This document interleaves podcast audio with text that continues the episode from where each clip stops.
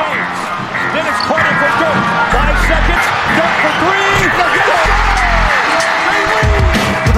Van a zaj, nincs egyszer a végén, ha battog a spalding Minden nap élmény, blokkok és zsákok Na gyere megmutatom, ez NBA szerelem Keleten, nyugaton, robban a zaj Nincs egyszer a végén, ha battog a spalding Minden nap élmény, blokkok és zsákok Na gyere megmutatom, ez NBA szerelem Keleten, nyugaton Éj jó! Szép jó napot kívánok mindenkinek! Ez itt a Keleten-nyugaton podcast, amelyben én Rédai Gábor vagyok, és mint mindig most is itt van velem másik házigazdánk, Zukály Zoltán. Szia Zoli! Szia Gábor, örülök, hogy itt lehetek, és akkor most magamnál is tartanám egy kicsit a szót, ugyanis hát végre valahára pont került tavalyi tipjátékunk végére. Várjál, várjál, ugyanis... várjál! Ez a taps Zolinak szól, aki egyébként Daninak is egy külön taps, Civók Daninak, ő is segített. Így van, shoutout, Bizony. meg uh, slap out. hát nagy munka. Nem, nem, a slap az a pofozás. Mi, mi a taps? Rögtön pofont osztogatunk. Fel akarjuk pofozni. Clap, clap out akkor, nem? Ja, Clap, igen, köszönöm, Clap, igen. Tehát akkor Clap out, így van. Clap out Daninak. Szóval megvan a győztesünk, ugye itt sajnos egy győztes lesz, kicsit uh, emiatt kellemetlenül érezik magunkat, de hát ugye így lett meghirdetve a játék, itt egy győztes volt. Uh, nagyon szoros volt egyébként az élmezőny.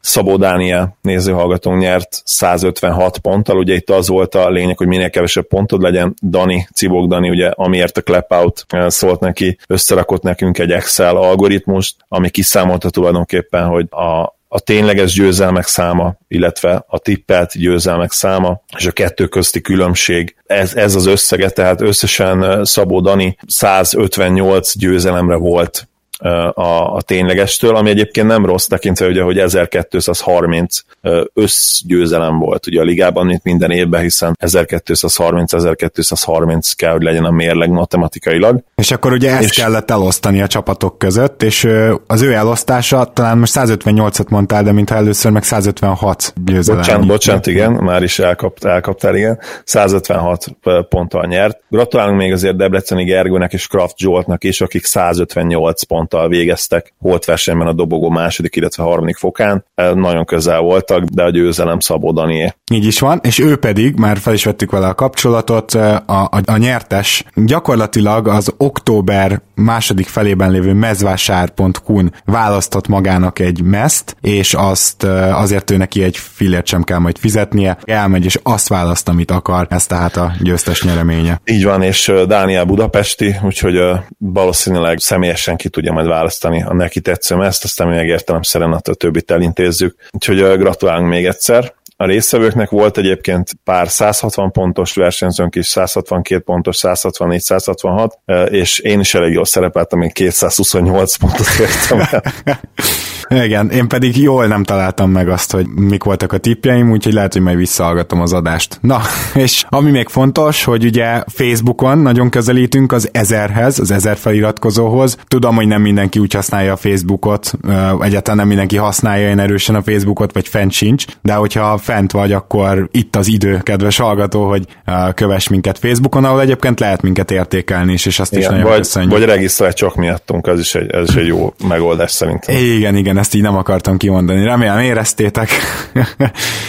Aztán ugye fenn vagyunk iTunes-on, mint tudjátok, Soundcloud-on, és fenn vagyunk YouTube-on is, oda is érdemes egyébként felregisztrálni, követni minket, mert hogy azért sokkal több meccset fogunk majd, hát nem is közvetíteni, de szöveggel kísérni. Hát a következő mm, októbertől, pontosabban ebben a szezonban, ettől az októbertől, már én is meg vagyok kavarodva. És ugye fenn vagyunk Patreonon, mint azt tudjátok, ahol pedig a 150-et kezdi el nagyon-nagyon, hát már azt hiszem 147-nél járunk ebbe a pillanatba, tehát mindjárt 150. romolni a szám, igen. Igen, igen. És hogyha esetleg azon gondolkozol, hogy egy fagyi árával, vagyis egy dolcsival havonta, vagy mondjuk egy mozi egy árával, vagyis öt dolcsival havonta, vagy bármennyi összeggel szívesen támogatnál Fa, fagy, Fagyit nem nagyon kapnak már szerintem nem egy dollárért, azok az idők elmúltak. Hát figyelj, 280 forintból szerintem azért egy gombóc kijön. Egy gombóc talán igen, mondjuk igen. ha egy gombóc számunk, de hát kinek egy gombóc a fagyi, nekem biztos nem, sajnos teszem hozzá. Illetve az egyik nagy ilyen uh, áruházláncba, a, a franciába, így szerintem mindenki tudni fogja, most árulnak egy tök olyan jégkrémet valami 130 forintért, de nagyobb, mint egy, uh, most természetesen a filmhősre gondolok, Magnum, és uh, csak hogy elkerüljük itt a... a abban mi lehet vajon? Igen. Jó, hát ezt nem olvastam el, minden esetre nagyon finom. inkább, inkább nem olvasol. Inkább nem olvasol el. Na jó, tehát akkor megvan ez a lehetőségetek, nézzétek meg a patreon.com per keleten nyugatont, és ott a videót, és akkor ott részletesen is ki van fejtve minden, meg persze szövegben is megtaláljátok. És ma pedig akkor elkezdünk elemezni három olyan csapatot, ahol úgymond nem történt annyi mozgás, hogy meghívjuk hozzá a vendégeinket, de azért mindenképpen szeretnénk róluk is beszélni, úgyhogy így Zolival ketten gondoltuk feldolgozni a New Orleans Pelicans, a Miami Heat és az Atlanta Hawks nyarát, és akkor szerintem kezdjünk a Pelicans-szel, főleg azért, mert ugye két adással ezelőtt én valami nagyon bátor, már-már boltéket mondtam azzal, hogy nálam nyugaton ők most Egyébként kicsit ez persze nem a, nem a realitás mondatja velem, hanem, hogy is mondjam, csak előrelépést várok tőlük, de én nálam most ők lennének a harmadikak, hogyha tippelnem kéne, és azt hiszem, hogy lesz mit megvédenem ezzel kapcsolatban. Azért kezdjük ott, hogy nyilván vannak, vannak távozók is, még hogyha kronológiai sorrendben nem is először ezt tudtuk meg, de, de azért Dilmarcus Cousins nem sikerült megtartani, pedig voltak hírek, hogy egy azt hiszem két év 40 milliós hosszabbítást azért beajánlottak neki, még szezon közben, amit akkor ugye nem fogadott el Kazins, és ez az ajánlat, ez már nem állt abban a pillanatban, hogy elindult ez a szezon július 1-én, ami Kazinsnak elég kellemetlen lehetett sőt valószínűleg megközelítőleg még csak hasonló összeg sem volt már akkor az asztalon. De azért azt tegyük hozzá, hogy amit felajánlott idén közben a New Orleans Pelicans, azt már akkor ajánlotta fel, amikor Kazins már sérült volt. Tehát így nem fogadta el Kazinsz. Így, van, így van, pontosan, igen, ez fontos tényezője a történetnek. Nyilván utólag mindenki okos, de, de talán itt picit a, a jogos kritika szerintem mehetne az ügynöke felé, mert neki látnia kellett volna ezt, én azt gondolom. Még akkor is, hogyha ismerjük Kazin státuszát, és tudjuk azt, hogy, hogy mekkora játékos az NBA-ben, szerintem neki látnia kellett volna, hogy itt nem fog ennél jobb ajánlatot kapni, mint amit akkor elétettek. Egyrészt, másrészt pedig mondhatta volna az ügynöke és Kazinsz is, hogy jó, jó, oké, elfogadjuk ezt az ajánlatot, de legyen egy év és 20 millió. Miért ne? Szerintem meg lehetett volna alkudni, vagy lehet, hogy egy évre még talán, mit tudom én, 22-t is kaphatott volna. Nem vagyok róla meggyőződve, hogy szezon közbeni hosszabbításnál lehet-e hosszabbítani egy évvel. Szerintem nem, úgyhogy ez, ez állhatott a dolog mögött, de akkor is ezt az egyéves szerződést kellett volna nyomni itt akár július 1-én is a Pelicansnél. Aztán az is lehet, hogy meg sem keresték, mert ugye Kazinsz kategorikusan kijelentette, hogy hát őt bizony nem hívták, és az ügynökét nem hívták, vagy nem komoly ajánlattal. Úgyhogy ugye ők telefonáltak a Golden State-hez, hogy hát akkor mit szólnátok a text player mid-levelhez. Igen, bár mondjuk ez lehet azért ilyen, hogy is szokták mondani, smoke and mirrors, tudod? Uh-huh, uh-huh. Elkép, elképzelhető, hogy itt ment a tűzoltás az imidzsét illetően, mert ők biztos, hogy tudták azért, hogy hát nem kevés kritikát fog kapni, hogy ő is ugye a Warriorshoz megy, még akkor is, hogyha egyébként szerintem ezek, hát hogy is fogalmazok finoman, nem állják meg a helyüket. Igen, meg, meg túlzóak is. Viszont, viszont akkor szerintem mielőtt még Rondó távozásáról beszélnénk, akit, visz, akit tudom, hogy meg akart tartani a, a New Orleans, tehát adtak neki ajánlatot. Beszéljünk arról, hogy gyakorlatilag azzal, hogy Cousins elment, azzal megint csak abban a helyzetben volt a Pelicans, hogy az évek óta hát ilyen függőben lévő hármas posztra, ahol egyébként most a free agent piacon nem is nagyon tudtak volna minőségi embert szerezni, kb. a Kyle Anderson, Rudy Gay duo volt, aki szóba jöhet, szóval le- lehet, hogy úgy voltak vele, hogy erre talán nem is költenénk úgy igazán, de hát azt a pénzt, ami megvolt, az pedig a nagy emelé, azt gyakorlatilag egy az egybe elköltötték Julius Randallre, akinek ugye kiderült, hogy a Lakersnél nincsen maradása, és amikor ezt értékeltük, akkor szerintem mind a ketten azt mondtuk, hogy ez bizony egy, egy jó deal, ebből még lehet valami, és minél több időt telik el, annál inkább azt érzem, hogy Randallnek itt jó helye lehet Gentry rendszerében, mert Gentry igenis a támadásban jól passzoló, egyáltalán jól használható, aki jól látja a pályát, akinek van támadásban IQ-ja, azokat a játékosokat szerintem igenis fel tudja emelni a kis támadó rendszerével, amit a Sunsnál is megcsodálhattunk, és végre tavaly a New Orleansnál is. Ha elkülönítve nézed ezt a Randall szerződést, akkor ez egy nagyon jó deal, ez teljesen egyértelmű. Itt nekem a problémám az lesz ezzel, hogy szerintem Gentry be fogja tenni őt a kezdőbe, oh. és Miroticsot visszarakják a padra, és ez, ez, lesz a, ez lesz a probléma számomra, mert szerintem akkor Davis sem tud majd annyira hatékony lenni, mint a play ban látott line volt, és abban sem vagyok biztos, hogy Mirotic jól fogja kezelni azt, hogy megint visszarakják a visszarakják a padra. Én teljesen biztos vagyok benne, hogy ez fog történni. Randollt be fogják rakni a kezdőbe, státusz miatt, azért, mert ő, ő amerikai, azért, mert friss igazolás, és szerintem nem lesz jó döntés. Úgyhogy kicsit így nyilván előre szaladok, és egy olyan dologért feddem meg őket, ha ez így értelmileg értelmes, uh-huh amiért, amit még el se követtek, de nekem ez itt árnyalja a képet a rendőrigazolásnál. És, és ezzel párhuzamosan azt is mondom, hogy ő nem feltétlenül a legjobb fit. Hmm. Tehát egy kis csatár azt gondolom, hogy, hogy sokkal fontosabb igazolás lett volna. Más kérdés, hogy ebből meg a piacon nem nagyon volt. Igen ugye olyan, aki, aki reális lehetett volna. Hát itt azért két dolgot hozzátennék. Egyrészt most néztem végig a Mindhunternek az első évadját, ez ugye az FBI-nak a profilozóinak a kialakulása, tehát amikor a viselkedés elemző részleg így kialakult. Lá- ugye, láttam, kiváló. Szerintem kiváló. is. Ugye gyakorlatilag a gyilkos elméknek mondhatjuk az elődje, és az összes ilyen NCIS, meg ilyen egy büntény egy részenként sorozatból, nekem a gyilkos elmék az egyetlen, amit meg tudok nézni, ezt is hozzáteszem, úgyhogy magát a témát is kedvelem. De szóval önálluk volt az, hogy na akkor most próbáljuk meg megjósolni, hogy mi az a bűn, amit majd el fognak követni, és ö, én nem ezt jósoltam, én azt jósoltam, hogy Mirotic marad a kezdőbe, de hogyha igazad lesz, és rendel lesz a kezdőben, akkor, akkor vissza is vonom azzal a lendülettel majd ezt a harmadik helyes tippemet, mert egyetértek veled, és rendel egyébként, hogyha a padról jön, akkor szerintem elképesztően jól tudna a cserék ellen, jól tudná használni a képességeit, sokkal kevésbé jönnének ki a gyengéi, szóval igazából logikusabb. egyetértek, igen, sok, sokkal jobb lenne a Pelicans hosszú távon, de, de mondom, én ettől félek, hogy, hogy ez fog megtörténni, státusz miatt egyértelműen, ugye Randall elében játszott, 20 pontot átlagolt, vagy ha nem is 20 majdnem 20 pontot, volt egy nagyon jó éve, viszonylag fiatal még, azt hiszem, hogy 25-26 éves, és ne, nem tudom azt, hogy ő egyébként ismeri-e korábbról Davis, hogy milyen kapcsolatot ápolnak, de nyilván, hogyha itt Davis szava is nagyon sokat érhet, ha ő azt mondja, hogy ő szeretné rendőrt a kezdőbe, akár nem kosárlabda okokból, mert azért van ilyen, legyünk őszinték az NBA-ben, akkor, akkor őt fogják berakni. Igen. Jó, egyébként most itt a kövegés alatt bemondtam LeBron, de nem mondhatom azt, hogy kosárlabda okokból mondjuk egy J.R. Smith nem volt jó kiegészítője, úgyhogy ez csak félig viccből. Az a 20 pont azért azt gyorsan mondanám, az 16,1 volt tavaly, de, és 8 pattanó, de egyébként ugye neki volt egy ilyen durva időszaka a szezon második fele, és ott már igazad lenne, tehát hogy rendel képes 20 pontra. Most hozzáteszem, hogy a Pelicansnek nem erre van szüksége, hanem védekezésre. Ha már megróttam egy csapatot azért, sőt sőt szerintem már többet is, pedig még nem sok elemzés volt, hogy nem nyúltak hozzá a nagy problémájukhoz a védekezéshez úgy igazán, akkor itt csak az alapszakaszra gondolva, ezt egy kicsit megrohatom azért a pelicans is, de tegyük hozzá, hogy ugye a szezon második felében, amikor Kazinski kiesett, meglepő módon egy rosszabbul védekező, de jobban támadó csapat lettek, és ennek nem az az oka, hogy Kazinsz olyan jó védő, hanem az, hogy elkezdtek sokkal gyorsabban játszani. Tehát ezek ugye 100 possessionre, 100 birtoklásra vetítes statok, tehát nem kéne, hogy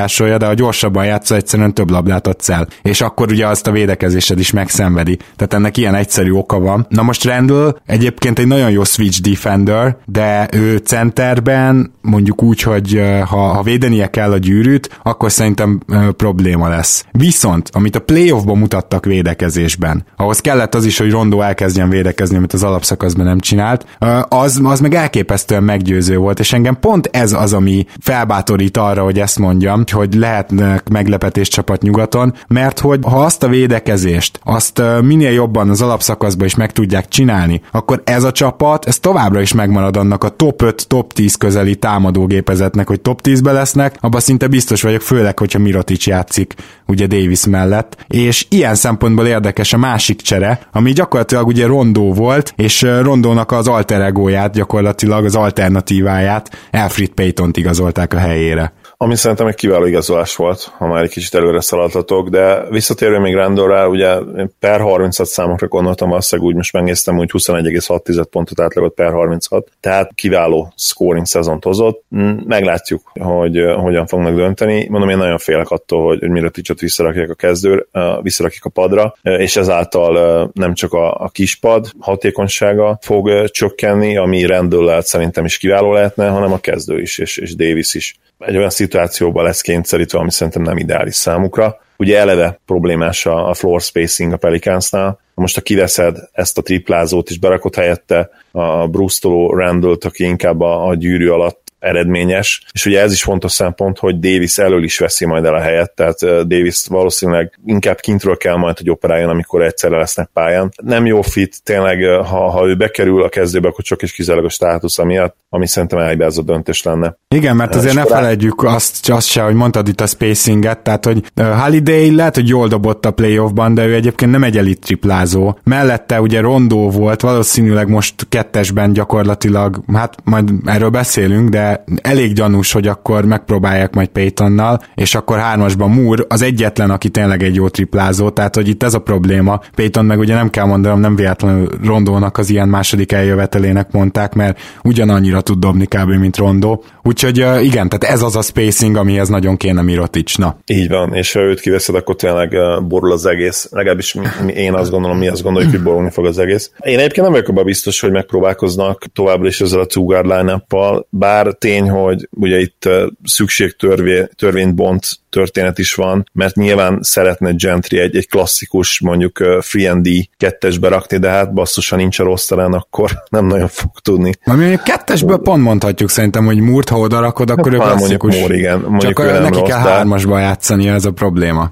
Igen, mert akkor még nem lesz hármas, igen, ahogy mondod. Ezért is lett volna tényleg szerintem jobb, hogyha Randall helyett egy, egy tényleg free and D kis csatárt céloznak meg. Ugye a probléma az volt, hogy, hogy a, az FA piacon nem nagyon volt ilyen játékos, hozzátéve persze, hogy egyébként se tudtak volna komoly pénzt adni neki, úgyhogy ők ezt szerintem elfelejthetik a jövő évre is, annak ellenére, hogy, hogy remek kis csatárok lesznek a piacon, de hát sajnos ez a cap space, ez, ez nem fog összejönni jövő nyáros szerintem. Igen, hát itt ugye legalábbis. ők próbálkoztak azzal, hogy esetleg cserélnének Schröderrel, de hozzáteszem, hogy Bazemore még cserélhetnek, csak nem tudom, hogy mit kellene adni az Atlantának, hogy mondjuk egy Ajinsa és Solomon Hill párost benyeljen, mert abban biztos vagyok, hogy a, hozzájuk képest még Bazemore szerződése sem szar. Na de... Igen, a, a Rakic Bazemore dolog az elhalt akkor? Hát szerintem még él, sőt annyira, hogy ugye ma az Atlanta Hawks-t is vesszük, és nem is tudom, hogy hogyan értékeljük őket, mert én szerintem Bazemore nem ott kezdi meg az idény, de erre majd akkor visszatérünk. De ez is egy lehetséges cserepartner, tehát a New Orleans is az. Viszont uh, szeretnék Solomon Hírról is ejteni két-három szót, mert hogy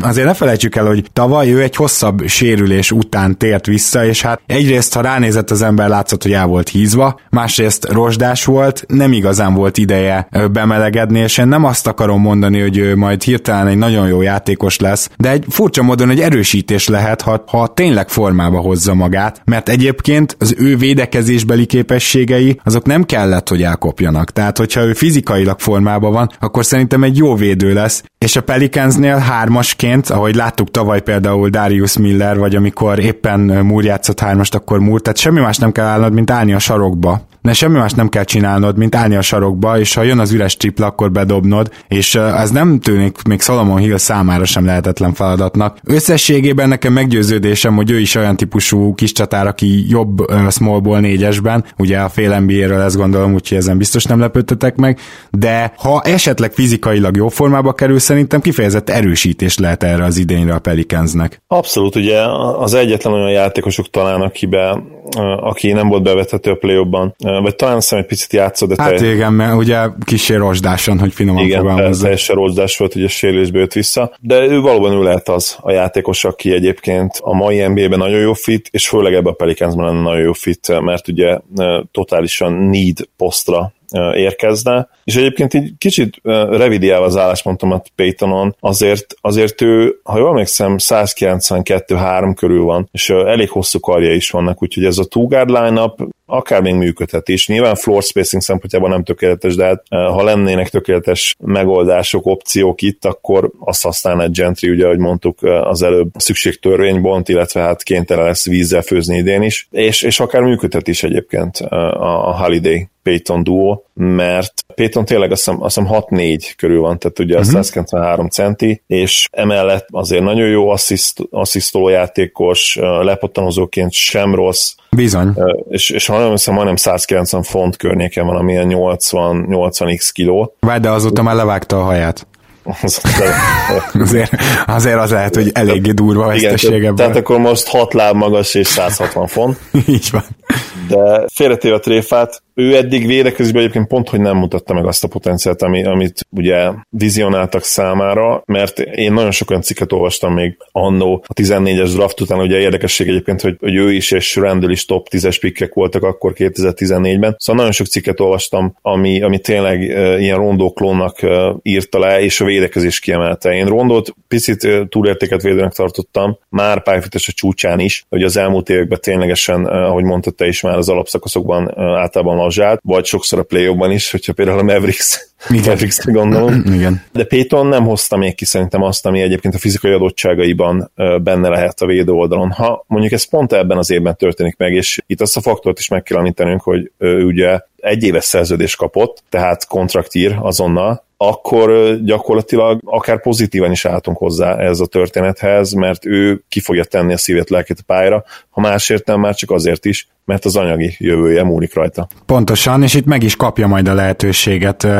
Most, hogyha esetleg Solomon Hill nagyon beválik, és Miller lesz a, Miller lesz a cserehármas, aki egyébként ezt a 3D-ből legalább a 3-t azt nagyjából hozza, tehát ő a sarokból bedobálja a triplákat, akkor, akkor elképzelhető, hogy itt Moore-ral és holiday hárman, ők majd, már mint ugye Payton, ők majd elég szép időt kapnak, mert egyes kettes poszton amúgy nincs akkora mélység. Ilyen szempontból lehet nagyon érdekes, egy újabb olyan erősítés, szerűség, ami, ami nem friss igazolás, csak hát tavaly nem állt rendelkezésre ugye Frank Jackson, és ne feledkezzünk me- meg róla, mert őt azért nem tartották a gyúkon rossz irányítónak, ilyen ráadásul magasabb irányító, nyilván két olyan sérülése is volt, vagy legalábbis két műtétje volt tavaly, ami miatt a kosárlabdapálya közelében nem tudott menni, de hogy azért még nem mondjunk le teljesen róla, és hogyha esetleg ő beválna, akkor az megint csak egy ilyen plusz faktor, és rengeteg ilyen meglepetés faktor, X-faktor vagy plusz faktor van a New Orleansban, és az egyik mindenképpen szerintem Frank Jackson. Kíváncsi vagyok, hogy pályára kerülhet-e. Őróla, vagy ővel kapcsolatban a várakozás egyáltalán nem az volt, hogy ilyen harmadik számú irányító lesz meg pad végén, hanem azt is mondták róla, hogy akár első évében már egy csere irányító lehet.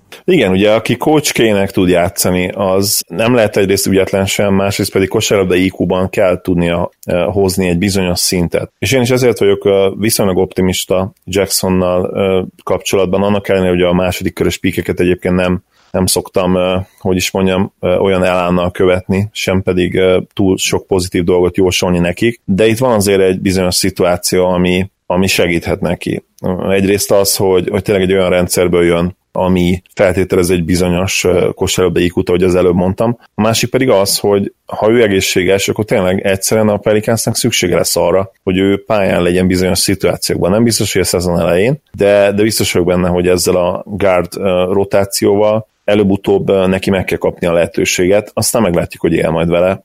Egyébként jó gyerek Jackson, tényleg minden, minden pozitívat el lehet mondani róla. Jó értelembe vett kombogárd, ez is, ez is az előnyére válhat ebben a csapatban, hiszen be tud segíteni több poszton is egy kicsit. Optimistán várom, és, és remélem, hogy, hogy benne talál valamit a, a Pelicans, mert nekik tényleg szükség van erre a belső növekedésre, a belső fejlődésre, mert máshonnan nem nagyon fognak most kapni segítséget a következő egy-két évben, és nagyon fontos nyilván Davis szempontjából is, tehát benne is lehet még egy-két fokozat, Mirotic állandósítani tudja talán a formáját, nyilván Halidétől is azt kell, hogy végre akár mondjuk egy Oladipo-szerű szezont lehozzon, kicsit nyilván más usage réttel, ő nem első szem opció lenne, de, de talán benne is van még egy, egy két szint, annak ellenére, hogy 26-27 éves. Ha, ha minden összeáll, és minden pozitív, visszakanyarodva az a, ugye a bold jóslatodra, miért ne?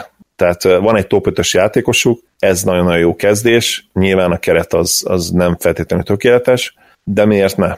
Akár odaérhetnek a harmadik helyre. Én nem őket mondanám, de, de értem egyébként a logikát a, a bolt téked mögött. Hát igen, és Anthony davis kapcsolatban meg akartam említeni, hogy azt viszont szinte már most biztosan mondom, hogy főleg annak tükrében az előző évet viszonylag sérülésmentesen lehozta, hogy nekem a legnagyobb MVP jelöltem lesz idén. Mert azokat a számokat, azokat az elképesztő számokat, amivel ő az MVP szavazáson aztán azt hiszem, hogy talán harmadik helyre bejött, az gyakorlatilag ugye úgy hozta, hogy Kazinski esett, és most jön egy egész ilyen év. És ha emellé sikerülne mondjuk a harmadik helyre beérni nyugaton, akkor én szerintem megkapná az MVP-t. Abszolút egyetértek, igen. Ha harmadik helyen végeznek, ővé egyértelmű, szinte egyértelmű. Tehát ha csak a Warriors nem nyer ilyen 75 meccset, vagy nem történik valami uh, olyan csoda tényleg. Ugye Hardent levehetjük gyakorlatilag a listáról uh, kis túlzással, hiszen nem őt, szeretik ő, a szavazók, hogyha ismételni kell, az biztos. Igen, ugye, igen egyrészt uh, ugye erről van szó, másrészt pedig azt tudjuk, hogy, hogy általában a legjobb csapat legjobb játékosát szokták, de ugye az most val- nagy valószínűséggel szerintem legalábbis megint a Warriorsból kellene, hogy, hogy, hogy legyen ez a választás. Az nem fog megtörténni, mert Curry és, Curry és Durant azért valamennyire még mindig kioltja egymást. Abszolút, ez, ez is egy teljesen jól lekövethető dolog, amióta Durant ott van egyébként. Nyilván a LeBron sztori nagyon érdekes. Ha LeBron behozza a második helyre a lakers akkor azt gondolom, hogy, hogy, hogy eldölt, és ő meg fogja kapni. Vagy a harmadikra is szerintem ugyanúgy. Vagy a harmadikra is akár, igen, igen, hogyha mondjuk a Pelicans nem a második. De azért az ott már nehézkes nyilván a Warriors Rockets duót letaszítani nyugat trónjáról.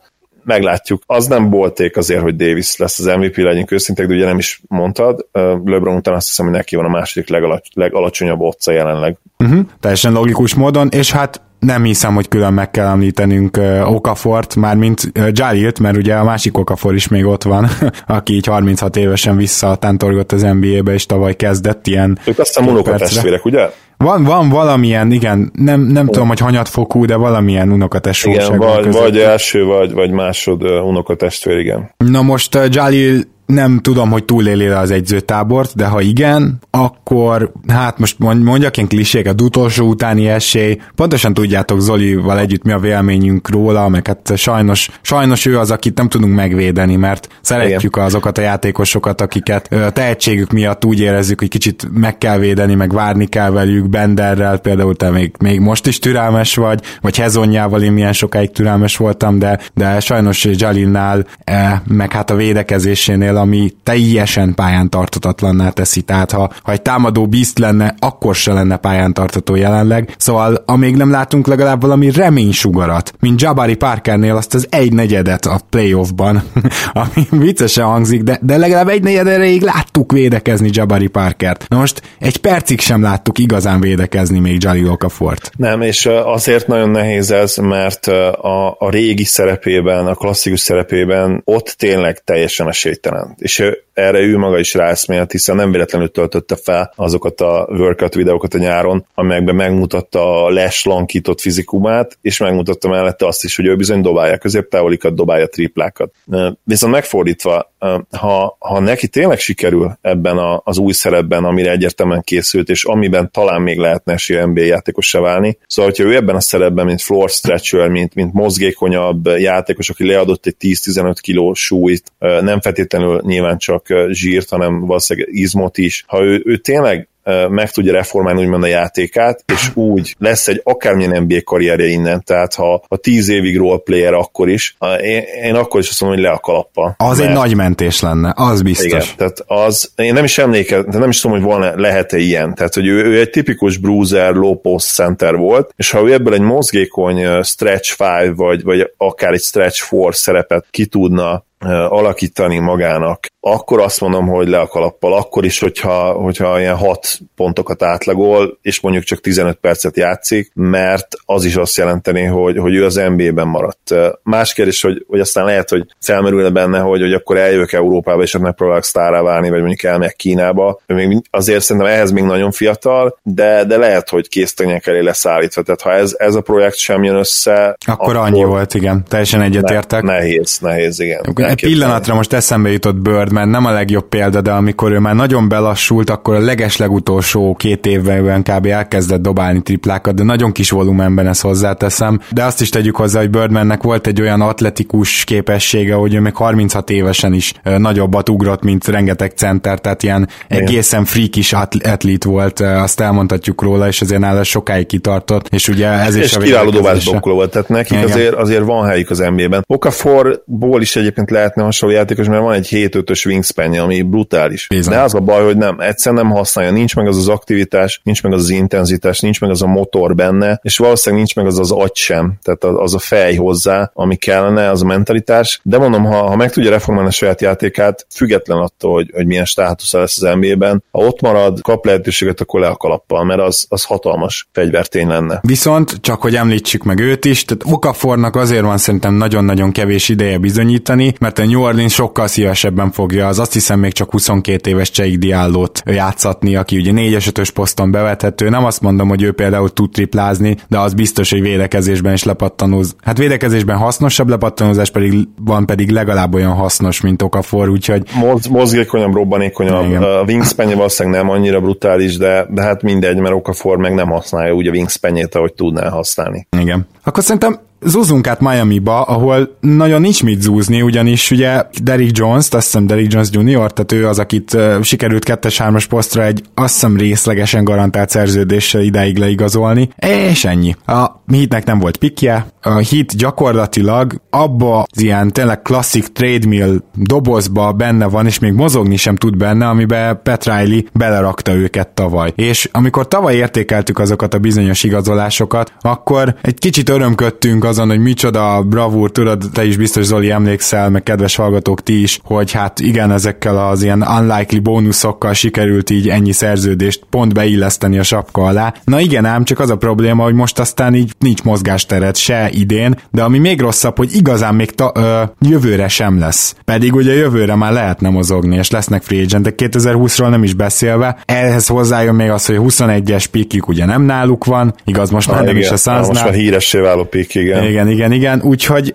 itt gyakorlatilag kicsit úgy érezheti magát a Hidrucker, hogy teljesen megrekedtek, és ez nem volt egy rossz alapszakasz csapat, és kisebb szerencsével én azt mondom, hogy ilyen egyértelműbb hatodik helyen is végezhetett volna, de így is ugye majdnem azonossága, de meg lett ez a hatodik hely. Szóval amit akarok itt mondani, hogy nem biztos, hogy jövőre mondjuk nem lesznek hatodikok, lehet, benne van. Az is benne van, hogy ötödikek lesznek. Történhet ilyen. Csak az a probléma, hogy a playoffban azért jól, jól látszott az, hogy még egy ilyen jó egyző mellett is kijönnek a keretnek a gyengeségei, és egyébként a Whiteside problémát sem nagyon orvosolták a nyáron. Igen, nehéz pozitívan beszélni a, a Heat off season Ugye megpróbálták elsózni a legrosszabb szerződéseiket, ez ugye az általad említett Whiteside, illetve Tyler Johnson volt. Ez a mai napig nem sikerült nem tudom, hogy, hogy itt milyen opcióik lehetnek. Valószínűleg pikeket is, vagy, vagy legalábbis egy, egy második körös ki kéne küldeni szerintem már Whiteside mellé, de az is lehet, hogy egy első köröst. Az ő csereértéke hihetetlen, hogy mennyit zuhant az elmúlt másfél-két szezonban azok után, hogy még mi is emlékszem, gondolkodtunk a rajta F szurkolaként, hogy be kéne neki ajánlani a maxot, hát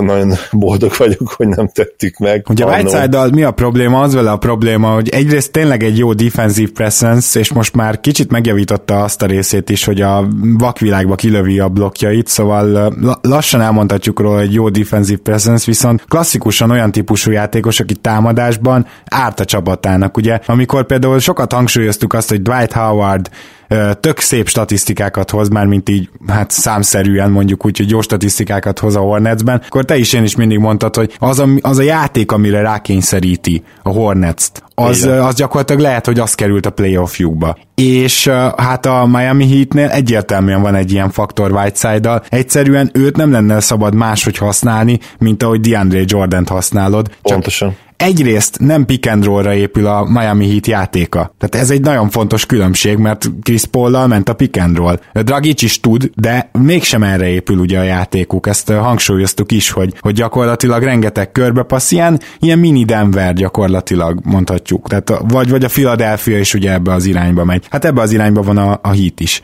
Úgyhogy e, ez egy ilyen nagyon nagy strukturális probléma, aminél Whiteside jelenléte támadásban nem is mínusz egy ember, de egy zavaró tényező gyakorlatilag. A másik probléma pedig az, hogy jött be Madebajo, és nem azt mondom, hogy jött, látott, győzött, de az teljesen biztos, és szerintem a hídrukkerek nagy része is egyetért, hogy nagyon szívesen látnák Adabajot minél többet a pályán, mert nagyon ígéretes dolgokat mutatott, és éppen ezért Whiteside ilyen szempontból is csak veszi el előle az időt, mert próbálták egymás mellett is játszatni őket, de azért valljuk be, hogy Adebayonak is az igazi posztja azért a center lesz. Igen, abszolút nem is tudom elképzelni, hogy, hogy ők együtt legyenek úgy pályán, hogy ugye a hitnek az jó, és Spolstra pedig túl edző ahhoz, hogy, hogy ezt bedobja a jövőben. Ugye én azt hiszem egyszer tévesen mondtam, hogy ők együtt is voltak fent a pályán időnként, nagyon nagyon sokat nem, és szerintem Sports, Sportsra már tavaly sem próbálta meg, és tavaly sem nagyon nyúlt hozzá ez, ugye? Hát egy azért volt, volt egy időszak, ami kísérletezett vele egyértelműen, igen. Gondolom védekezés miatt nyilván megpróbálta, de, de hát támadásban ez katasztrófa ez a két ember egymás mellett. Védekezésben még nyilván megoldanák, mert Adebayo egyébként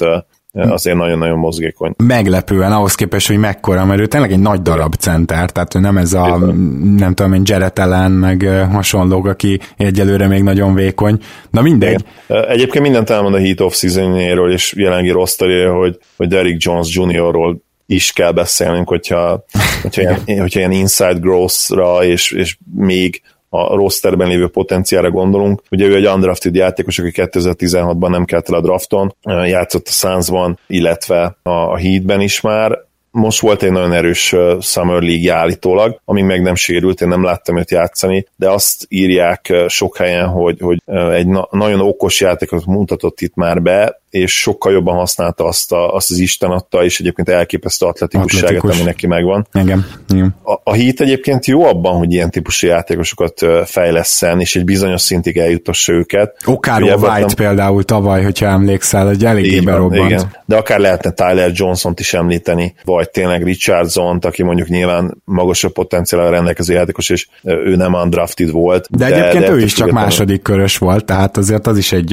Igen, igen, ő is, ő is második körös volt. Úgyhogy benne talán lehet bízni, de nyilván ezek ilyen, ilyen apró győzelmek lehetnek a hitnek, még akkor is, hogyha bekövetkeznek. Az az igazság, hogy, hogyha megkérdeztek bennünket, hogy a csapat közeljövője, illetve a középtávú jövője mondjuk a következő 5-6 évben hova vezet, akkor nehéz komoly sikereket vizionálni. Ez egy jelen pillanatban sajnos klasszikus treadmill csapat az igazság. És az egyetlen erősítés, ami reálisan megtörténhet, csak hát benne is nagyon ritkán bízunk, és eddig csak egy évben mutatta meg, hogy érdemes, az Dion Waiters visszatérése. És őszintén mondom, hogy mivel a hit tényleg nagyon-nagyon híres erről, hogy milyen jó formába hozza a játékosait. Waiters is le is nyilatkozta abban a jól sikerült évében, hogy hát itt megdöglöttünk gyakorlatilag az egyzőtáborba, és azt hittem, hogy, izé, azt hittem, hogy így hazaszállítatom magam az ágyamig minden nap. Szóval emberünk utána viszont olyan formába került, hogy, hogy ki tudta használni gyakorlatilag azt a tehetségét, ami neki megvan, csak mi kell hozzá egy jó egyző, egy jó rendszer, úgymond, na ez van Miami-ban, és az, hogy ő, ő ilyen fizikai formában legyen, hogy ez bírja. És hogyha megint sikerül ezt előhozni, akkor igazából még egy picit feljebb mászhat a Miami, de ez egy pillanatot nem változtat azon, amit te is most kifejtettél, hogy ez továbbra is egy treadmill csapat, egy elsőkörös kiesésre maximálisan esélyes gárda, amelyikről viszont hatalmas meglepetés lenne, ha lemaradna mondjuk a playoffról, tehát a, arról sincs szó, hogy hirtelen visszaesnének. Igen, ha esetleg Vétős tudná hozni azt, amit a, az alatt a 20-21, nem emlékszem pontosan hány meccses streak alatt, amikor majdnem 20 pontot átlagolt, és szintén 50%-kal dobta a triplát, és volt azt hiszem 5, 5 assist környéke is, ami a playmakinget illeti. Igen. Úgyhogy ha azt tudná hozni, akkor persze teljesen más a Leánzó fekvése, hiszen akkor arról kell beszéljünk, hogy, hogy van két ragyogó egy per B opciójuk, ugye Dragicsban és Waitersben. Ráadásul egy olyan poszton, olyan posztokon, ahol a mai NBA-ben az impact jön ugye a periméterről, igen. És ha, ha ezt Spolstra rendszerébe berakod, és, és mindent úgymond felszorzol, és a legoptimistább szenáriót kiszámítod, akkor simán persze benne lehet akár a negyedik, ötödik hely is. De, de kérdés az, hogy igen, hogy a play-offban, ahol tényleg kellene az az igazi első számú opció, akinek a nyakába odarakatod a terheket, ott jön majd ki megint a probléma, mint, mint a most magunk mögött hagyott szezonban. Így van, így van, szóval Dragic is tipikusan az a játékos, aki ilyenkor kiteszi a szívét, lelkét a pályára, és jó, csak nem elég egyedül. És ez nem, nem az ő kritikája, én még mindig simán top 15-ös, ha nem top 10-es irányítónak tartom az NBA-ben, és uh, alulértékeltnek gondolom, pedig ugye tavaly megkapta végre valahára az első osztár beívóját, de akárhogy is van, az biztos, hogy, uh, hogy itt a keret egyszerűen nem alkalmas ennél többre. Viszont azt hozzátenném, hogy nagyon sok dolgot kikísérletezett tavaly Spolstra, és idén azért annak már le lesznek aratva a babérjai. Tehát ez, amit ugye sokszor mondtam, hogy Olinyik, mint egyfajta ilyen Pót Jokic a padot gyakorlatilag irányította, azt szerintem gyakran fogjuk látni idén, különösen akkor, hogyha sikerül valahogy tényleg elcserélni Whiteside-ot, mert akkor még nagyobb szerep árulhat rá, és egyébként egy egészen elképesztő statisztikát láttam. Nincs ez lemérve, de az ESPN egyik szakértője, hogyha jól emlékszem, ESPN-es volt, csinált ilyen, hát a játékosoknak a különböző képességeit így osztályozta A-tól F-ig és szinte mindent, tehát amit az advanced statok tudnak, az alapján próbált létrehozni egy ilyen osztályzó rendszert, és nagyon-nagyon kevés olyan magas ember volt, akinek a periméter védekezése, a rim protectionje és a posztvédekezése is minimum b volt az ő osztályzatai szerint, és Olinyik volt az egyik. Hát ezen behaltam teljesen. Tehát én most majd tényleg, egyébként rá is néztem, tényleg nem hozott rossz védekező statisztikákat, de most majd ezt külön fogom figyelni, hogy ez a csávó ez most így megtanult védekezni Miami Miami-ban, vagy, vagy mi történt tényleg, mert lehet, hogy egy év, lehet, hogy fluk, de ez egy nagyon-nagyon furcsa statisztika volt számomra.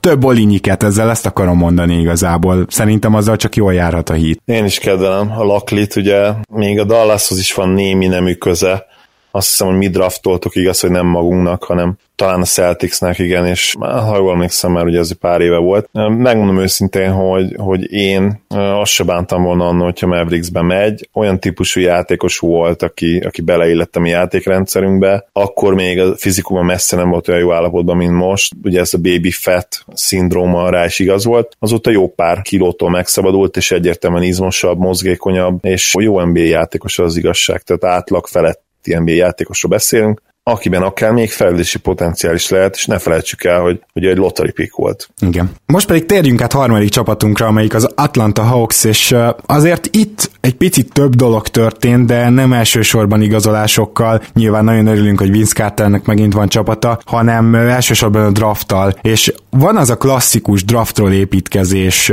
mégpedig erős tankolással, amit igazából a Philadelphia is csinált, és azért lássuk be, hogy a Hawks most már lassan dedikáltan rálépett erre az útra, és ilyen szempontból például a draftnál az a csere, tehát ha így nézed, akkor nem is rossz, mert ugye 2019-re is kaptak még egy pikket, úgyhogy már ezen a drafton is hármat választottak az első körben. Úgyhogy uh, szerintem innen kellene kezdenünk a draftról, hogy egyrészt Doncsicsot szinte minden szakíró úgymond egy jobb játékosnak várja, mint Youngot, illetve Doncsicsot nagyon sokan várták az első helyre, vagy tették az első helyre a saját bordjukon, beleértve minket is. De az is tény, hogy szereztek még egy pikket, és és hosszú távú folyamatként nézve ez nem biztos, hogy egy rossz döntés, ha bár benne van az, hogy Triangból mondjuk egy jó irányító lesz Doncsicsból, meg egy klasszis játékos, tehát ha a potenciált nézzük, akkor viszont egy hibás lépés volt ez a bizonyos csere, aminek keretében a harmadikról az ötödikre léptek ugye vissza, és így a Dallashoz került Doncsics, és hozzájuk Trey Young.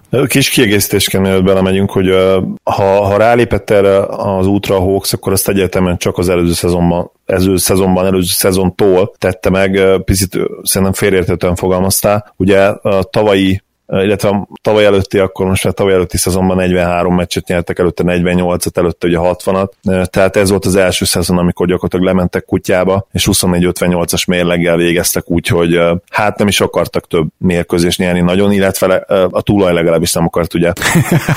Igen. Most, most már tudjuk, hogy ugye szegény Badot, Badenholzert ezért küldték el gyakorlatilag, mert hát a, a beszámolók szerint a tulajdonos konkrétan leordította a fejét, hogy hogyan volt képes megnyeretni a csapatával egy mérkőzést. Kettő Sok... idegenbeli meccsről van szó. Tehát Talán kettőt is, igen. Kétszer nyertek idegenben, nem kellett volna. És Bád akkor mondta az ő szempontjából nyilván teljesen jogosan, hogy akkor viszlát szervusztok. Én neked többet nem fogok edzősködni, és legyünk őszinték, most már jobb helyen van, hogyha arra gondolunk, hogy eh, egy olyan csapatnál, csapathoz került, ahol a győzelmek száma minél magasabb kell majd, hogy legyen. Bizony, már pedig az Atlanta, ha megnézed a tevékenységét ebbe az off-seasonbe, még egyértelműen, tehát úgy értettem, hogy még ebben az évben is biztosan tankolni fog. Igen, igen, ez igen, igen.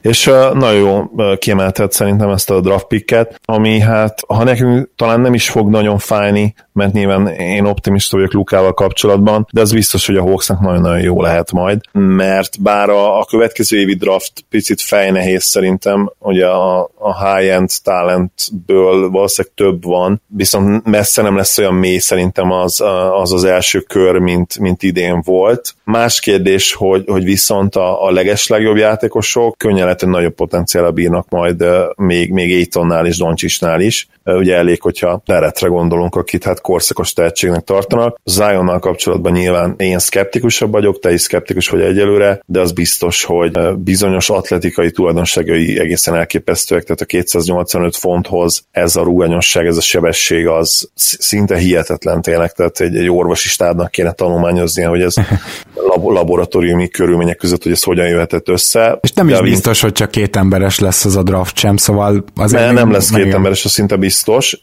Én csak azt mondom, hogy azon tudásom alapján, ami egyébként lehet, hogy kicsit felületes jelen pillanatban, én azt várom, hogy azért nem lesz 5-6 olyan prospekt, mint, mint az idei drafton volt, de lehet, hogy 3-4 lesz egyébként. Ugye 2-3 szinte biztosan. Meglátjuk nyilván, nagyon sok függ attól, hogy mi történik az egyetemi szezonban. Most még szinte minden más puszta jóslás, jóslat, úgyhogy... Főleg úgy, hogy ugye most a Latteri meg még több múlik majd, hiszen teljesen megváltoztak az esélyek, először is nem hármat, hanem négyet sorsolnak, aztán hátréből is nagyobb eséllyel sorsolnak be, de, de ha nagyon rossz vagy, akkor azért úgy megint csak top 5, top 6-ban nyilván tudsz draftolni. Úgyhogy ezért is érdekes lesz. Viszont Triangról már sokat beszéltünk, talán nem is kell most róla külön szólnunk. Én, én azt a két mondatot mondanám, hogy abba biztos vagyok, hogy a playmakingja az egyből át fog ülni az NBA-be, és hogyha Abszolút, ha, ha, nem is esnek be a dobásai, ezzel és egyébként Jeremy Lin mentorálásával szerintem ő jó úton van. Meg is kapja majd a lehetőséget. Igen, és nagyon tetszett tőle a nyilatkozat a, a, a minap, hogy számára lényegtelen, hogy ő vagy Lin kezd. Nagyon szimpatikus hozzáállás ez is. Így van. A, arról már nem is beszélve, hogy azt mondta, hogy Curryhez hasonlítják, de ő Steve Nashhez akar hasonlítani. Így van.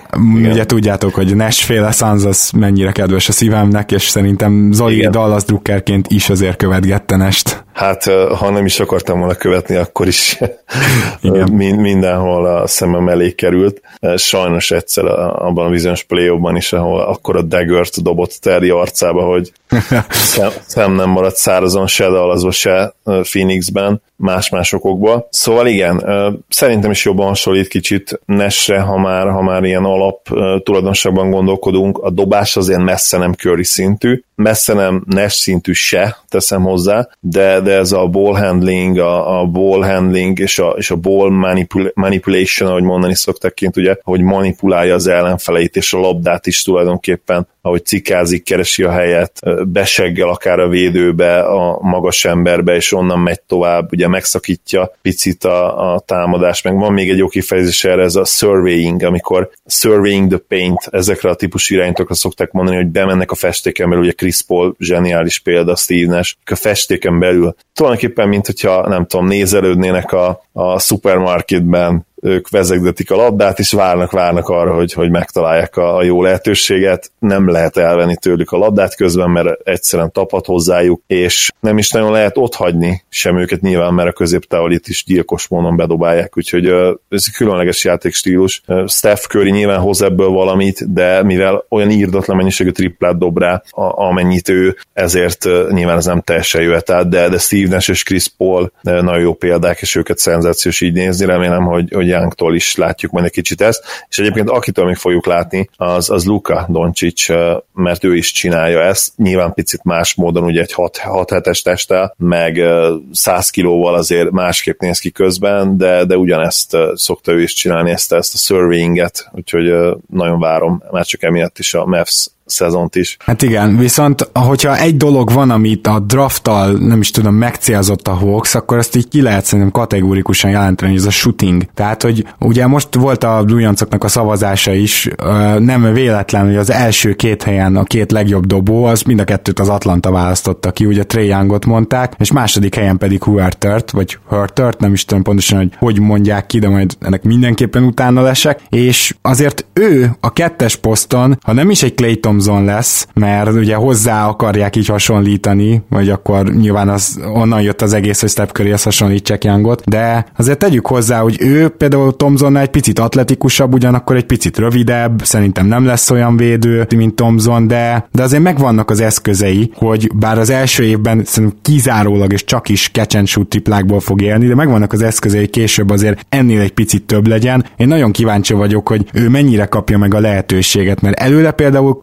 tipikusan elveszi Bazemore az időt, és akkor még ugye ott van a tavaly összeszedett Tyler Dorsey, hogyha jól mondom a nevét, aki, aki szintén egy olyan fiatal, aki majd követelni fog a kettes poszton időt helyet, úgyhogy Hörtert én mindenképpen próbálgatnám az Atlantánál, ha csak nem sül be nagyon, mert azért az ő keze, az ő vaj keze, az megint egy ilyen plusz dimenziót adhat majd a fiatal csapatnak. Igen, egyetértek, és azért is picit fura ez egyébként. Huerter ilyen kicsit ilyen Big White Hope volt a Marylandben, vagy legalábbis ugye azt vártak tőle előzetesen, hogy akár nagyobb tereket is kapjon támadásban. A probléma az volt, hogy, hogy ő olyan usage rate azért soha nem kapott végül az egyetemen, viszont ebben a role player státuszban ebben szenzációs volt, főleg a második évére, ahol azért már egy picit megnövekedett ez a usage is, és, és gyakorlatilag második számú opcióként operált. 15 pontot betett a közösben, közösben 3,4 assziszt, védekezésben sem volt szerintem annyira rossz, attól függetlenül azért, hogy nyilván soha nem ez lesz az erőssége. És ami nagyon-nagyon fontos az az, hogy ahogy mondtad, a floor spacing terén kiváló volt, tehát gyakorlatilag majdnem 6 tripla 41%-kal a mezőnyből. Picit, ami miatt szkeptikusabb vagyok, az a büntetődobó százalék, tehát ez a 75 százalék az picit nekem karcsú, nem beszélve ugye a, a freshman évéről, amikor 71 százalékkal dobálta, emiatt nem lepődnék meg azon, hogyha ő nem lenne elit shooter feltétlenül az első pillanatok kezdve, de ahogy mondtad, eh, ha, ha Bézmor játszik, akkor ő elvesz időt tőle, és ezért is lenne nagyon jó látni egy Bézmor cserét, mert egyrészt belőle is többet nézünk ki, ő egy contenderbe megtalálhatná újra a, a régi ényét, amikor egy, egy kiváló védő volt, és, és mellette elit, vagy, vagy legalábbis majdnem elit force spacinget is tudott hozni, és Huerternek is eh, ezzel együtt több ideje lenne. És az Atlantában lenne is arra időtől, hogy elkövesse ezeket a hibákat. Tehát itt aztán szerintem se az új vezetőegyzőn, ugye Lloyd Pearson, se senki nincs olyan szempontból nyomás, hogy itt minél több meccset meg kell nyerni. Ki kell alakítani egy ilyen új kultúrát, egy, egy lehetőleg egy winning culture-nek az első lépése legyen az, hogy ne 15 meccset nyerje, hanem mondjuk 25-öt, de, de körülbelül ennyi nyomás van rajtuk, és uh, egyszerűen egyszerűen Huerter például azt is megmutathatná nagyobb játékidővel, hogy ő még 14-15 évesen irányító volt, csak aztán ugye eléggé megnőtt, és kiderült, hogy nagyon jó a keze, tehát így lett kettes, és ahhoz megvannak a méretei is. Igaz, hogy wingspan az, az nem annyira van, de még egyszer mondom, egyébként nem akármilyen emelkedése van a srácnak, és nem is úgy mondva, hogy fehér létére, hanem úgy NBA szinten is egy, egy jó ruganyos atléta, hogy így mondjam, tehát hogy ő tud ilyeneket, tényleg tud tud passzolni, van, van egy jó látása a pályán, tehát lenne mit kiaknázni, és nagyon remélem, hogy az Atlantánál ezt tudják. Persze nyilván ez majd jól kell teljesíteni az egyzőtáborban. Na de van egy másik érkezőnk is még mindig az első körből, Omari Spellman, aki Ez szintén kiváló triplázó, de nagyjából ennyit is lehet elmondani róla, pedig magas emberről beszélünk. Nem feltétlenül, például én picit belenéztem a Summer League highlightjaiba, és ő, ő mind a két, a pálya mindkét oldalán jó dolgokat csinált. Én, én azt gondolom, hogy, hogy ő tipikusan az a játékos lenne, aki, aki a mai, mai erőcsatár pozíciót tökéletesen be tudja tölteni. Van egy elég jó wingspanje, én most nem néztem utána, de, de a highlightok alapján azért nyakig láb srác, van, van, van, igen. Igen, igen, igen. Ne, nem egy szuper gyors atléta, 6-9-hez képest azért ő az ugye nem olyan nagyon magas még, de annyira nagyon gyors, de, de egész jól futja a pályát hosszában, és, és van, van egy olyan szintű body coordination is mellette, ami, ami például megengedte azt, hogy ő end vanokat befejezzen, akár fast break után és gyors indítás után is, és egy minimális passzjátékot is megcsillagtatott, megcsillagtatott a, a Summer League-ben. Egyértelmű, hogy role player, potenciál van benne, én számomra ez, ez nem kérdés. Az új Tehát, Patrick Patterson esetleg? Szerintem az a vonal kb. Ha nem? mondjuk, ha konzisztens a triplája, akkor akár. Mert egyébként pont, pont az a magasság, és, és a dobása nagyon szép szemre. Na most kérdés az, hogy ugye ez mindig egy több összetevős egyenlet, hogy, hogy tudja-e hozni azt a konzisztenciát, mert azért, mert egy dobás szép szemre, az nem azt jelenti, hogy ez egy jó dobás, ugye ezt tudjuk már nagyon régóta. Meglátjuk. Én nem tartom őt rossz piknek, tehát ha, ha ő tudja hozni azt, amit, amit az egyetemen, akkor, akkor egészen jó roleplayer lehet belőle az NBA-ben. És azért ne felejtsük el, hogy hogy neki az az egy év, amit az egyetemen töltött, egészen jól sikerült triplázás szempontjából. Nála is mondom, a 70%-os büntetőzés az, az picit szkeptikus se tesz, de, de ő azért, azért legit atlétának tűnik, ha hossz nézzük, ha a koordinációt nézzük, és tényleg ezzel 206 centivel, 117 kilóval, hogyha ha be tudja dobálni a triplát, nyilván ez visszatérünk már harmadjára erre, de hát azért meg kulcskérdés, akkor, akkor kiváló stretch for lehet a mai NBA-ben. Egyébként nagyon érdekes, amit mondasz ezzel a 117 kilóval, ugyanis 13,25%-os body fatet, tehát testgyír százalékot mértek nálam, ami a második legmagasabb volt. Sőt, 13,7, mondjuk ez fura lenne, mert nekem is ennyi például, pedig én nem vagyok ilyen sportoló. Az nem olyan rossz egyébként a 13,7 átlagembernek. Én például ő annyit tudnék most egy 13,7-es eh, body fat percentage de mindegy, ez, ez egy másik téma.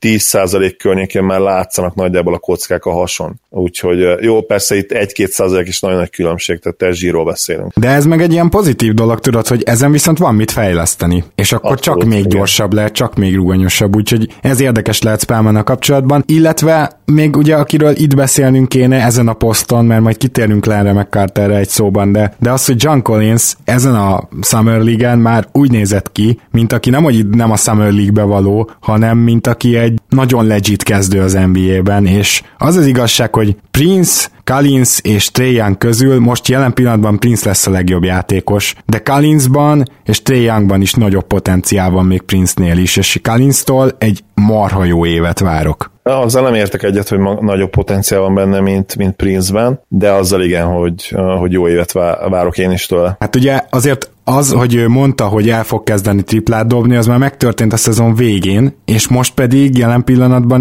már, már a Summer League-ben ilyen 4-5-6 kísérleteket eregetett, még pedig baromi jó százalékokkal, meg 7-8, és én szerintem semmi oka nincs rá, főleg Atlantában, igaz, hogy ez már nem bad rendszere, de nyilván ne fele építkeznek, hogy ne dobálja rá ezt az ugyanilyen mennyiségű triplát, és az be fog menni neki mondjuk 35 és 40 százalék között valahol, akkor azért képzeljünk el egy Tristan Thompson triplával. És hogyha ezt a játékost elképzeljük, az egy nagyon-nagyon jó játékos az NBA-ben. Ez rendben van abszolút, de azért Prince-nek volt 40 pontos meccse, plusz most már egy bizonyos szintű playmakinget is hoz a közösbe, védőként is hatalmas potenciál van benne, még akkor is, hogyha azon az oldalon azért kicsit inkonzisztensebb volt annál, mint amit reméltünk, vártunk volna tőle. Szóval még akkor sem értek egyet, hogyha, hogyha beírjuk előre és köbevéssük, hogy 36-37%-kal fog Collins triplázni, szerintem akkor is a mai NBA-ben periméter játékosként mm, van Prince, benne valami. Prince jobb. Mm. De, de egyébként alapvetően nincs köztünk vita, tehát én is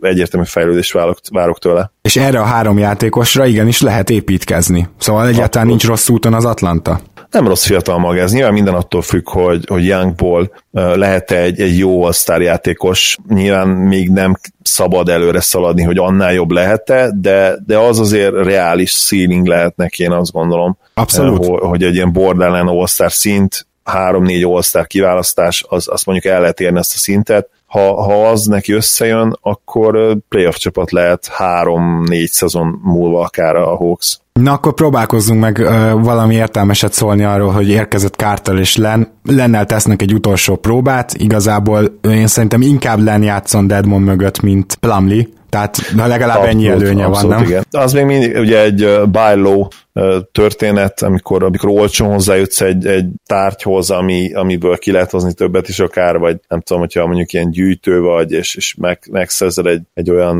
darabot a gyűjteményedbe, ami, ami sokat is érhet akár, vagy többet érhet, növelheti az értékét, akkor, akkor len lent ebbe a kategóriába soroljuk be. Még mindig szemtelenül fiatal egyébként Alex ja. Ha jól emlékszem, 25 éves, és magas embernél ez, ez még fontosabb, mert ők sokszor ugye később érnek, úgyhogy én, én tökre adom ezt, a, ezt az igazolást is. és valóban én is, én is őt játszottam egyértelműen a csereszerepben, és akár megadnám neki még a lehetőséget arra is, hogy, hogy kezdjen talán a szezon második felébe, hogyha ha, ha tényleg tudja hozni azt, ami, amire egyébként a tehetsége őt azért predestinálná center poszton. Így van, és Carter pedig, hát ő egy laza 42 évesen jön, és egyértelműen mentor szerepben. a 42-t? Azt hiszem idén fogja talán Ide valami 41, igen, hát hihetetlen, ugye a legidősebb játékos az NBA-ben Dirk után, ta, nem, talán Jason Terry még idősebb, ő 41, de igen. neki még nincs szerződése, jól tudom, ugye? Vagy Így van, van még, nem, még nem hozták vissza. Még nincs, igen, hmm. tehát ő lehet, hogy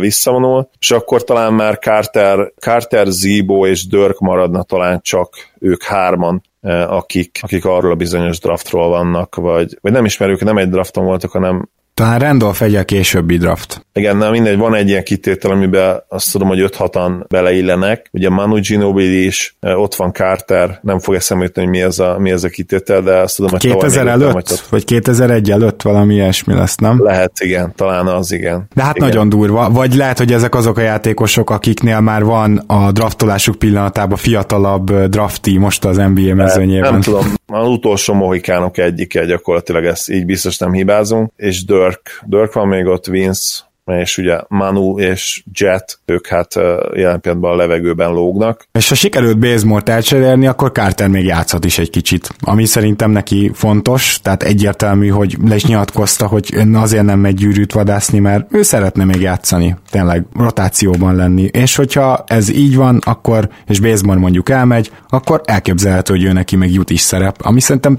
tök jó, és, és jó lesz látni. Atlantának is szerintem jót tesz, hogy egy ilyen nagy nevű játékos jön, akkor is, hogyha levezetni, mert szerintem Vince olyan személyiség, és olyan volt például már Memphisben is, tehát az utóbbi időkben, akiket nagyon-nagyon kedveltek is, kedvelt is a, a szurkolósereg, és ki is tudott velük építeni egy kapcsolatot, szóval szerintem minden szempontból jó igazolás a Hawksnak. Egyetértek, én imádom VC-t, úgyhogy uh, hajrá, Hawksban is. És én azt mondanám, hogy hajrá a tankkal az Atlantának, és a jövő évben egészen biztosan kiemelten fogom figyelni a Hawks-t.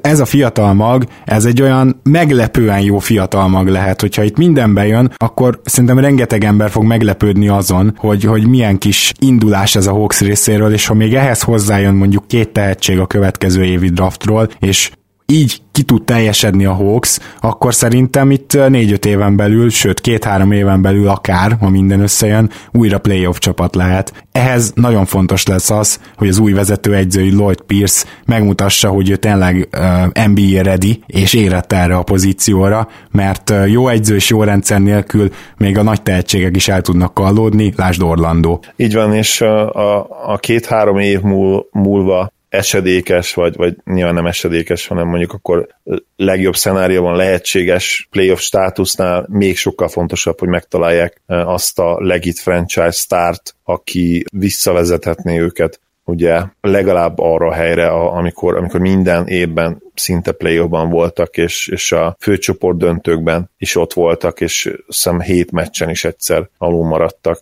tehát mondhatjuk azt is, hogy még viszonylag közel voltak a döntőz is, bár talán a Celtics volt abban az évben, amelyik a, a hetedik meccset nagyon simán megnyerte. Mm, igen, meg emlékszem a Cleveland ellen, ugye a 60 győzelmes szezonban, az nem volt eléggé szoros, főleg Carroll kiesése után, de... A lényeg az, hogy fontosabb, hogy megtalálják azt az igazi franchise játékost, azt a start legyen az akár Young, akár a jövő évi draft drafti vagy draftik közül valamelyik. Én is abszolút rukkolni fogok nekik, már csak azért is, mert egy olyan piacnak, mint Atlanta, és egy olyan csapatnak, mint a Hawks, tényleg minden segítség el kell, el kell, és ők tényleg akkor lesznek megint bajnoki cím közelbe, amikor le tudják draftolni azt a saját korszakos szupersztárt, mint amilyen Dominic Wilkins volt. Úgyhogy tényleg, a, hogyha az ő szurkolóik fejével is gondolkodunk, vagy Youngnak kell annak a, ennek a játékosnak lenni, vagy a következő évi draft, draftiuk, játékosuknak, vagy az azután következő évben draftoltnak. Tényleg, ezt így valahol szomorú kijelenteni, de, de tényleg szinte az ő esetükben, mivel hogy F7 célpontok nem lesznek a jövőben sem, el fog dolni a következő 3-4 évben az, hogy a következő 15-20 évben lehet-e bajnoki címlesélyes csapatuk. Igen, úgyhogy már csak ezért is érdemes nekik drukkolni, és ami a másik fontos dolog, hogy érdemes nekünk kérdéseket küldeni Patreonon, ugye az előző adásban is hallottátok már, most ami lényeg, hogy jövő héten körülbelül egy olyan csütörtök magasságában csinálnánk meg ezt az adást, és már érkeztek kérdések, már volt egy olyan támogatónk, aki feltett azt hiszem, vagy 5-6-ot, de mindegyik ilyen rövid kérdés, tehát jó kérdések, fogunk rá válaszolni mindenképpen. Én is szerintem posztolni fogok még a héten egy, egy mailbag kérdést, ugye ez az adás valószínűleg pénteken megy le, lehetséges, hogy, hogy addigra már ti láttatok ezt a posztot. Én nagyon optimista vagyok ezzel kapcsolatban, vagy ezt még én nagyon várom ezt az adást. A, a mailbag cikkek, adások, ugye Simonsnak volt régen mindig a, a mailbag nagyon-nagyon hosszú cikke, természetesen nem hasonlítom magunkat a, a nagyszerű, vagy legalábbis régen nagyszerű, most már talán lehetne vitatkozni rajta. Igen. De, de régen mindenképp nagyszerű Bill Simmonshoz, de tényleg content provider szempontból tényleg talán ez a legérdekesebb tematikájú adás, akár, akár élő szóban, akár írásban, úgyhogy én nagyon optimista vagyok, hogy sok kérdés fog érkezni, és, és nagy öröm lesz megválaszolni majd ezeket, akár ilyen kicsit játékosabb, viccesebb formában is, nyilván ez a kérdésektől is függ majd. Kedvenc csapat, kedvenc játékos, Zoli mit csinál, miután felállt a WC-ről, jöhet bármi. Kez, kezet szoktam mosni, úgyhogy... Jó, hát ezt akkor el is lőttük, köszi. El is lőttük, igen.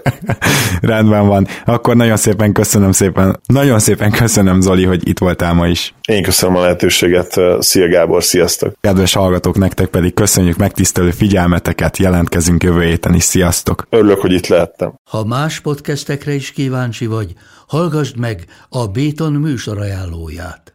El tudod képzelni, hogy a podcastet, amit éppen most hallgattál, fél év múlva már a mesterséges intelligencia generálja? Mi sem. De ha érdekel, eljötte már a gépek lázadása. Hallgass bele az Embertelen podcastbe. Orsós Lajos vagyok, a műsor házigazdája. Egyelőre még élőben. Egyelőre. Fedezzük fel együtt, hogyan ismerkedik, randizik, mesél és vitatkozik Betty és Péter, két teljesen mesterséges intelligencia. Lajos, a podcast címét mond még egyszer, Léci. Oké. Okay. Embertelen podcast. Ez a műsor a Béton közösség tagja.